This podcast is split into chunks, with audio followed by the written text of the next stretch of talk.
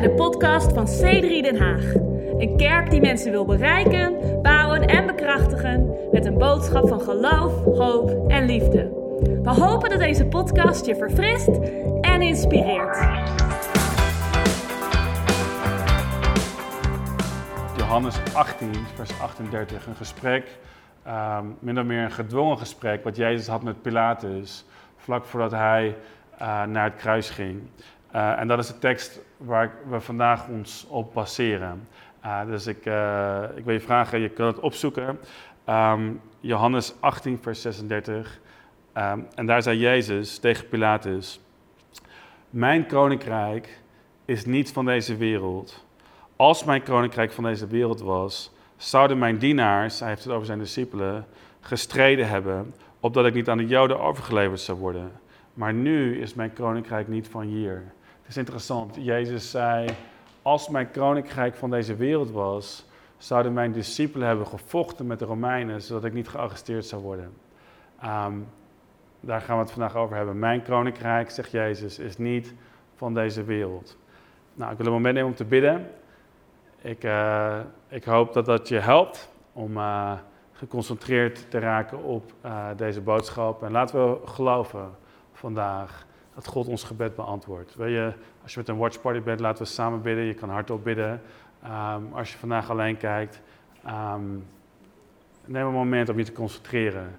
En, uh, en laten we geloven dat God werkt op dit moment. Vader God, we bidden u in de naam van Jezus dat uw geest aanwezig zal zijn waar we ook zijn, samen of alleen. God, wij geloven dat u bij, met ons bent. Dat u ons helpt om uw getuige te zijn in deze wereld, online en offline. We danken u dat uw geest ons helpt om tot een bewustzijn te komen die we nodig hebben vandaag om vruchtbaar te zijn in onze dromen, in het bouwen wat u in ons hart heeft gelegd. In de naam van Jezus. Amen. Amen.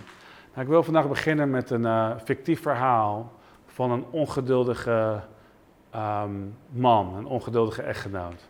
Um, ik denk dat je redelijk snel zal ontdekken dat dit verhaal niet fictief is, um, want ik ken deze man heel erg goed. Um, het gaat over een verhaal van mijzelf als echtgenoot. En Nicola kijkt vandaag mee, heeft dit nog niet uh, gehoord. Dus zit met heel veel interesse te luisteren naar wat er komen gaat. Want zou dit dan echt daadwerkelijk een bekentenis zijn? dat ik daadwerkelijk ongeduldig ben. we houden je nog even in spanning. Maar een aantal jaar geleden Um, was, uh, hadden Nick en ik veel druk op ons leven, van onze familie en andere dingen. En we konden niet op vakantie gaan vanwege verschillende redenen. Um, dus besloten wij, of echt liever gezegd besloot Nicola, dat wij vier keer per jaar voor 24 uur eventjes een break zouden nemen. En uh, dat was een geweldig idee.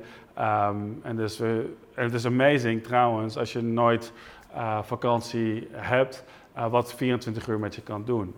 Um, het probleem, niet zozeer een probleem, het, het mooie was uh, dat, uh, dat Nicola een goede moeder is voor onze kinderen.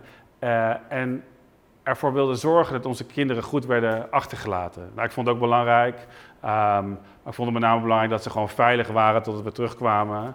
Maar, maar nee, Nicola was ook um, heel erg betrokken bij de catering omdat ze dachten van, hey, ik wil ook dat onze kinderen gewoon, als ze weg zijn, gezond eten. Nou, we weten allemaal, als we op vakantie gaan, als je momenteel uh, van plan bent of net op vakantie bent gegaan. We weten allemaal hoe stressvol het kan zijn om superweg uh, dingen te organiseren, puur alleen al van ons werk, om even ertussenuit te gaan. Um, en dus in al deze organisatie en al deze, en al deze dingen die we moesten doen, um, waren we soms laat ik het zo zeggen, vergeten of kwamen tot het besef, vlak voordat we weggingen, of kwam Nicola precies gezegd tot het besef van hé, hey, we moeten nog even snel nog even een maaltijd maken voor de kinderen. Nou, Nicola uh, pakte niet een, uh, een pakje honig of Konimax of weet ik veel hoe die dingen heten en gooit het dan zo'n zo'n pakje en mengt het met water en dat is het. Nee, nee, uh, Nicola maakte dan een pasta met eigen saus en, en al die dingen. Dat is natuurlijk fantastisch, behalve als je net op het punt staat om naar een hotel te gaan en even tussenuit te gaan. Dus wat er gebeurde heel vaak is dat, um, is dat uh, we net even vertraagden, een half uur of een uur. En dat ik in dat moment zo gefrustreerd raakte en me zo daarover opwond, dat ehm, het eerste, laten we zeggen, het eerste half uur, eerste uur van onze quality time eigenlijk heel weinig quality met zich meebracht, omdat we alleen maar belanden in discussies over, uh, over um, het feit dat ik deze tijd die we samen hadden wilde beschermen. Nou, natuurlijk, dat leidde natuurlijk tot compleet onbegrip van uh, Niklas kant, want hey, Nicola is alleen maar bezig om ervoor te zorgen dat we weg kunnen. Uh, en dus wie ben ik dan om daar iets over te zeggen? Um, en dus mannen, als je op zoek bent naar een goede strategie om daarmee om te gaan. Ik heb de laatste, um, nou ik zou maar zeggen, in het laatste jaar een strategie ontwikkeld die voor mij veel beter werkt. Dus wat ik doe tegenwoordig is, ik doe wat ik kan doen. Um, ook mannen kunnen dingen doen voor kinderen. Dat is misschien een openbaring voor sommige mannen. Maar ook, ook wij als mannen kunnen gewoon dingen regelen. Dus we doen wat we kunnen doen. Um, maar als er dan nieuwe, spontane ideeën opkomen, wat ik dan tegenwoordig doe, um, ik denk dat Nicola het doorheeft, is, uh, is ik ga gewoon rustig in de auto zitten. En dan probeer ik gewoon te ontspannen. Kijk een YouTube-filmpje of iets dergelijks. Of uh, ik, ik, werk mijn Netflix even bij, of, of wat het ook is. En ik probeer gewoon te relaxen. En dan probeer ik, lukt niet altijd, maar dan probeer ik als we dan vertrekken zo min mogelijk opmerkingen te maken over het feit dat we vertraagd zijn. Nicola, heb je het gemerkt? Um, en uh, en hey, in het begin, mannen, zal dit leiden tot totaal onbegrip. Want ten eerste, je doet dingen compleet anders dan je vroeger deed. En misschien kan je vrouw denken dat je nogal onverschillig bent over je idee, dat je er geen zin in zou hebben en dat soort zaken. Maar uh, je zal merken dat slijt vanzelf in, komt er een besef dat je gewoon simpelweg probeert. Ik heb het ook tegen Nicola gezegd, wat ik doe is ik manage mijn eigen emoties. En uh, dat is geen desinteresse, maar ik, ik, ik, ik ben me gewoon mezelf aan het afvlakken zodat ik niet boos ben, zodat we quality time kunnen hebben. Ik hoop dat dat mensen heeft geholpen. Kunnen vrouwen even zwaaien als dat je helpt. Um, maar dus het verhaal van de ongeduldige man. Maar het, het probleem wat ik uiteraard had, was dat um, in, mijn, in mijn doel om onze quality time te beschermen, um, brak ik eigenlijk af wat ik probeerde op te bouwen. Dus onze quality time werd eigenlijk verkort, omdat we simpelweg begonnen met ruzie en discussie en, en, en soms uh, momenten van stilzwijgen, met name aan Niklas kant. Um, en en dat, het, dat het niet hielp om op te bouwen wat ik eigenlijk wilde opbouwen. En is het niet zo in ons leven, als het gaat om onze kerk of misschien de dromen die we hebben, dat we soms de neiging hebben om in, onze, in ons in onze uh, effort, in ons verlangen om te proberen op te bouwen wat we eigenlijk willen zien, wat we naar verlangen, dat we soms met de, de verkeerde middelen gebruiken en daarmee afbreken wat we eigenlijk proberen op te bouwen. Ik heb zo vaak gezien uh, dat mensen um, bezig zijn met een goed doel, maar de verkeerde middelen gebruiken. Lees frustratie, woede, boosheid. Um, uh, lobbygedrag, uh, politiek gedrag, uh, wat het ook is. We gebruiken onze eigen effort en middelen en we manipuleren onze situaties omdat we denken dat we bezig zijn met een goed doel. En hey, we denken soms het doel, hij ligt de middelen. Maar we weten allemaal, en ik denk dat het belangrijk is om onszelf te herinneren aan het feit dat wanneer we, wanneer we de verkeerde middelen gebruiken, dat, vaak, dat we vaak niet komen waar we willen zijn. Nou, Um, nou, laat me dit zeggen. Je kan een, geestelijke, een geestelijk doel niet bouwen op exclusief natuurlijke middelen. Je kan een geestelijke droom niet creëren op basis van alleen maar fysieke middelen. En Jezus wist dit. Hij zei tegen Pilatus: Als mijn koninkrijk van deze wereld was, dan zouden mijn discipelen wereldse middelen hebben gebruikt. Dan zouden ze precies doen wat andere mensen zouden doen. Ze zouden vechten um, voor hun doel. Ze zouden hun zwaarden pakken en ze zouden een gevecht aangaan. Een van de discipelen probeerde dat. Hij hakte een oor af van een Romeinse soldaat. En Jezus stopte hem en hij zei: Luister, dat is niet wat we doen. Het is, het is fascinerend dat Jezus zegt: Als mijn koninkrijk van deze wereld is, dan zouden wij gebruiken wat wij voorhanden hadden. Maar hij zei, mijn koninkrijk is niet van deze wereld. En daarom weet ik dat, ik, dat wij niet kunnen creëren wat wij voor ons zien door middel van alleen maar natuurlijke middelen. Ik weet niet wat de natuurlijke middelen zijn waar jij de neiging hebt om snel naar te grijpen. Misschien is het boosheid. Misschien is het simpelweg ehm, doorzettingsvermogen. Misschien, misschien uh, begin je te leunen op je eigen discipline en je eigen kunnen. Misschien verval je in het vertrouwen op je eigen talenten. Misschien begin je te uh, onbewust te manipuleren of de situaties naar, naar jouw wens te creëren. Op basis van je eigen middelen. Wat het ook is. Soms uh, en, en, meestal liefdevol bedoeld, maar we grijpen vaak naar onze eigen middelen die ons voorhanden liggen. Omdat, we, omdat we ontmoedigd raken, omdat we, uh, omdat we vermoeid raken. Ik geloof dat dit een woord is voor onze kerk op dit moment. Ik geloof dat, um, dat er mensen zijn in onze kerk die misschien moe zijn of misschien ontmoedigd zijn. Die zeggen, we zijn begonnen met genade, we zijn begonnen met verlangen, we zijn, we zijn begonnen um, met, met, met, met hoop en met, en met uh, geweldige motivatie. Maar op dit moment voel ik dat ik vastzit. Ik voel me stak. En misschien, misschien dankzij corona en al die verschillende zaken, misschien dankzij andere situaties, misschien dankzij of ondanks uh, vruchtbaarheid, um, je voelt je uh, vermoeid. En ik heb het gevoel dat God wil zeggen, ga door maar stop met dingen doen zoals je ze nu doet. En, en, en begin weer opnieuw bij de plek waar je begonnen bent. Begin weer opnieuw met de genade. Weet je wat interessant is? Paulus zegt in Galaten hoofdstuk 3, vers 3, um, hij zegt het volgende. Hij zegt, bent u zo dwaas, u die met de geest begonnen bent, gaat u nu eindigen in het vlees? Hij zegt, ga je nu afmaken in je eigen kracht wat begonnen is door God, door Gods geest, door zijn hulp. Denk je echt dat je, dat je kan creëren wat God in je begonnen is, dat je dat zelf kan afmaken? En dit is wat er vaak gebeurt. Vaak beginnen we op de juiste manier en dan lopen we tegen een barricade, dan lopen we vast. En dan, en dan hebben we de neiging om in onze vermoeidheid om weer terug te grijpen naar de middelen waar we, die we gewend zijn om te gebruiken. Maar hey, kerk, dit is een tijd om te stoppen, om steeds weer te grijpen naar dezelfde tools die we in onze toolbox hebben zitten. En om te beginnen om anders te werken, omdat we ons realiseren dat we bezig zijn, niet alleen maar om iets natuurlijks te bouwen, maar om iets geestelijks te bouwen. Ik denk dat het belangrijk is om, om dat te benoemen en daarbij stil te staan, um, omdat omdat God een ander koninkrijk aan het bouwen is. Um,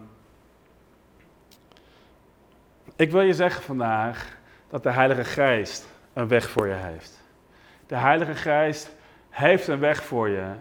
En misschien is het belangrijk om dit aan te geven dat er ergens een moment is waar het geestelijke en het natuurlijke bij elkaar komen ik geloof en wij geloven niet in onze kerk dat er zoiets is als een geestelijke realiteit en een natuurlijke realiteit die compleet los van elkaar staan. Dus, dus wat ik niet zeg vandaag is, gebruik geen, geen natuurlijke middelen. Nee, nee, er, komt een moment dat we moeten zeggen, hé, hey, ik, ik, ik zet mijn geld waar uh, in het Engels zeg je, I put my money where my mouth is. Ik, ik, ik, ik geloof wat ik doe. Ik, ik zet daar mijn middelen in. Ik, ik investeer mijn tijd. Ik investeer mijn geld. Ik investeer mijn energie in de dingen die ik geloof. Ik denk niet dat we dingen kunnen bouwen door alleen maar te bidden. Dat is niet wat ik zeg. Maar er komt een, een moment waarin de twee samen moeten komen.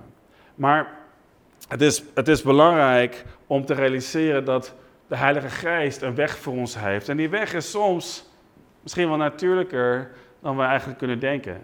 Zie, wanneer we de neiging hebben om te reageren in frustratie, heeft de Heilige Geest een weg voor ons. Dat heet zelfbeheersing. Het heet liefde. Het heet geduld. Het zijn, je, kent de lijst. Het zijn die lijst met, met de, vrucht van negen, de negen vruchten van de geest, of de vrucht van de geest, de negen verschillende uitingen. Die allemaal te maken hebben met natuurlijk gedrag wat komt uit een andere bron. Zie, wat we begonnen zijn in de geest, kunnen we niet afmaken in het vlees. Maar uiteindelijk zal het een impact hebben op ons gedrag. En ik denk dat we heel erg vaak de neiging hebben om te vervallen in oud gedrag. Maar hier is een gelegenheid, hier is een moment om te zeggen: wij gaan volbrengen. Wij kunnen alleen volbrengen wat God in ons begonnen is. door te leunen op de genade die God voor ons beschikbaar gesteld heeft. Hoe, hoe goed is dat? Ehm, dus we, we bouwen het koninkrijk van God met andere middelen. En, en wij realiseren ons dat we, dat we niet alleen maar kunnen leunen op onze fysieke middelen, maar dat het belangrijk is om te leunen op de middelen die God ons geeft. Um, ik, ik geloof dat als wij beginnen te bouwen met de middelen van God, dat onze resultaten anders zullen zijn. Ik geloof dat de resultaten die we zagen in het begin, dat we die weer verder zullen zien als we weer opnieuw beginnen om te leunen op genade. De genade waarmee God begonnen is, is de genade waarmee we zullen kunnen doorgaan. De genade die God ons gaf om te beginnen, is de genade die God ons geeft om te voleindigen. Jezus is de beginner en de voleindiger van ons geloof. Ik hou ervan dat de Bijbel zegt in Filippenzen 1 vers 6, de Engelse dienst heeft het niet gehoord, maar dat is wat je krijgt als je een kleine bonus voor de Nederlandse dienst. Filippenzen 1 vers 6, daar zegt Paulus, ik geloof dat wat God in je begonnen is, dat hij ook zal voleindigen. Ik, ik geloof oprecht dat Gods genade aanwezig is in ons leven, in onze kerk, om door te gaan. Maar zie, we kunnen dat niet doen op basis van eigen kracht en frustratie. We kunnen het alleen maar doen op basis van Gods manier. Want het bouwen van Gods koninkrijk zullen we moeten doen op basis van Gods middelen. Ik wil je, ik wil je achterlaten met een tekst die misschien heel bekend is. Maar ik wil je vragen om na te denken in jouw leven ehm, wat dit betekent voor jou. Want Paulus zegt in 2 Korinthe hoofdstuk 10, zegt hij het volgende. Hij zegt, want wij wandelen, want al wandelen wij in het vlees, wij voeren geen strijd naar het vlees. De wapens van onze strijd zijn immers niet vleeselijk, maar krachtig door God tot afbraak van bolwerken. Want wij breken valse redeneringen af en elke hoogte die zich verheft tegen de kennis van God. En we nemen elke gedachte gevangen om die te brengen tot uh, de gehoorzaamheid van Christus. Het is interessant, want Paulus heeft het hier over gedachten, over redeneringen. En wat zijn onze natuurlijke manieren om gedachten, redeneringen af te breken? We gaan in debat. We gaan een gevecht aan. We gaan een, we gaan een debat aan en we proberen mensen te overtuigen. Maar dit is wat Paulus zegt. Hij zegt, er, er komen momenten in ons leven waar we ons moeten realiseren dat we niet kunnen vechten naar de fysieke middelen, dat we moeten vechten op andere manieren. Dat, dat we soms, onze, uh, dat we soms uh, ons doel niet kunnen bereiken als kerk of als of ons, ons, ons eigen, de droom die God in ons hart heeft gelegd, dat we die soms niet kunnen bereiken door onze weg erin te debatteren. Maar dat we gedachten en bolwerk kunnen afbreken door gebed, door geloof, door de genade van God, door door de visie, door weg ons te richten op de dingen die niet zichtbaar zijn. En door, door doorzettingsvermogen, door door te gaan. En de Bijbel zegt met geduld beërfde zij, de, met geloof en geduld beërfde zij de belofte van God. En ik wil je bemoedigen vandaag, de wapens die we hebben, waarmee we, iets, waarmee we een strijd kunnen leveren, zijn niet alleen maar natuurlijke wapens. Nogmaals, natuurlijk is het niet zo dat we niks natuurlijks moeten doen. Dat we alleen maar moeten hopen en bidden en, en het dan zien gebeuren. Natuurlijk is het belangrijk om, om te plannen en om, en om middelen in te zetten. Maar de, de, de wapens, datgene wat een verschil maakt, is niet alleen maar natuurlijk, maar het is geestelijk. Het koninkrijk van God is niet van deze wereld. En wij geloven dat we als kerk en als mensen een impact kunnen hebben in de wereld om ons heen. Maar het kan niet alleen op natuurlijke middelen. Ik wil, je, ik wil een oproep doen. Ik wil een, een beroep doen op jou. Om niet alleen maar te leunen op je talent, op je kracht, op de dingen die voor je hebben gewerkt in het verleden. Maar opnieuw te evalueren. Welke, welke middelen heeft God mij gegeven? Welke middelen uh, leun ik misschien te veel op? En welke middelen zoals gebed, zoals geloof, zoals de aanwijzingen van de geest van God, zoals geduld, zoals die lijst die ik net aangestipt heb, zoals liefde.